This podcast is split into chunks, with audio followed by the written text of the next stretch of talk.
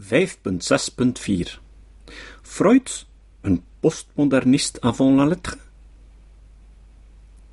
Sommige postmoderne psychoanalytici proberen Freud zelf meteen ook als een proto-postmodernist af te schilderen, die de problematisering van waarheid en werkelijkheid in essentie zelf zou hebben ingeluid.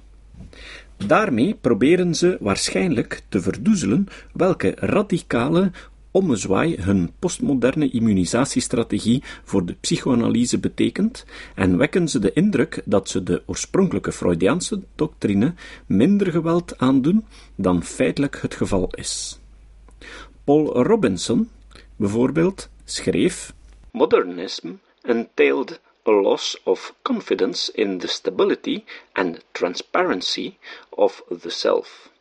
It also entailed the recognition that all human knowledge is subjective and indeterminate. Freud's theory of the unconscious, which denies that the self is aware even of its own ideas, was the most powerful articulation of this modernist sensibility.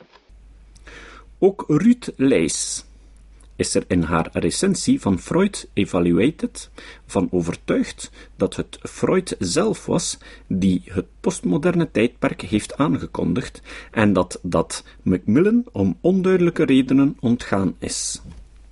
Macmillan relies on notions of fact, objectivity, causality, testability and explanation which not only are the focus of Kuhn's critique but even more crucially, are decisively problematized by Freud himself.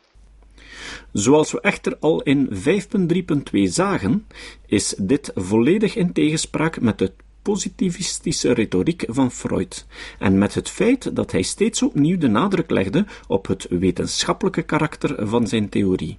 Freud had dan ook geen goed woord over voor de relativisten die liepen merkwaardig genoeg in zijn tijd ook al rond.